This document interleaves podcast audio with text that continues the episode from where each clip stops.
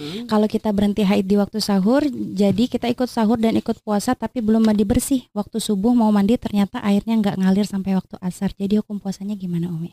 Nah sekarang dicek dulu nih, Anda berada di daerah memang seperti itu atau biasanya ada air, cuma ini lagi-lagi kebetulan jet eh, mungkin pomnya lagi mati Gitu, ya. atau mungkin sumur Anda lagi kering, maka Hmm. gimana?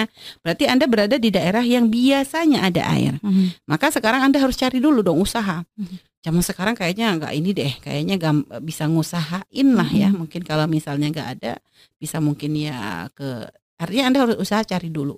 Yang wajib itu ibarat mencari hadul ghaus itu ya. Ya. Ya kalau misalnya kurang lebihnya 300 meter tuh Anda cari dulu deh, keliling Mhm. Anda dulu wajib berusaha. Nah, kalau ternyata eh, nggak ada juga misalnya, tapi Anda dengar info nih, hadul grup gitu ya. Ada hadul grup tuh kurang lebihnya berapa ya? Eh 300 ribu ya baru tiga ribu kalau nggak salah. Seribu meter itu aja jadi kurang lebihnya satu kiloan ya. Nah, anda cari. Dengar kabar eh, 500 meter dari rumah anda misalnya ada air. Karena memang misalnya ini kasusnya bukan cuma anda emang Hmm. kasus satu satu Satu kampung nih. kampung.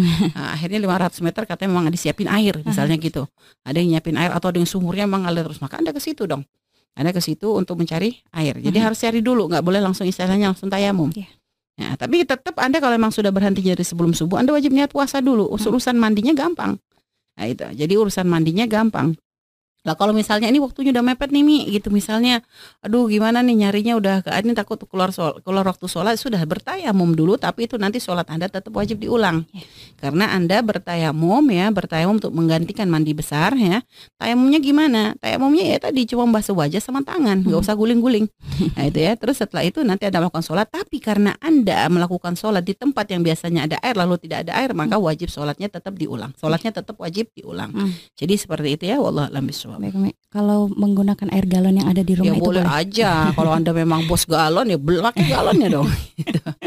Eh, Karena- tapi jangan sampai nanti gara-gara pakai galon akhirnya waktu minum anda nggak ada air kan gitu. Ya tapi kalau lagi Iya, iya. puasa ya mungkin yakin ini biasanya cuma sebentar. Iya. Nah, Kalau memang gitu ya gunakan aja dulu galonnya karena nanti kan pasti nanti sore udah hidup lagi airnya gitu. baik. Jadi pakai aja seadanya air ya dan mandinya ya berarti diirit-irit gak usah pakai sampo. Yang penting airnya merata ke seluruh Seluruh tubuh. Ya. Nah ini juga harus diperhatikan. Kadang ada orang mikir tuh kalau mandi besar dipikir harus sampoan, sabun. sampoan. Enggak, itu mah tambahan dari kita kok.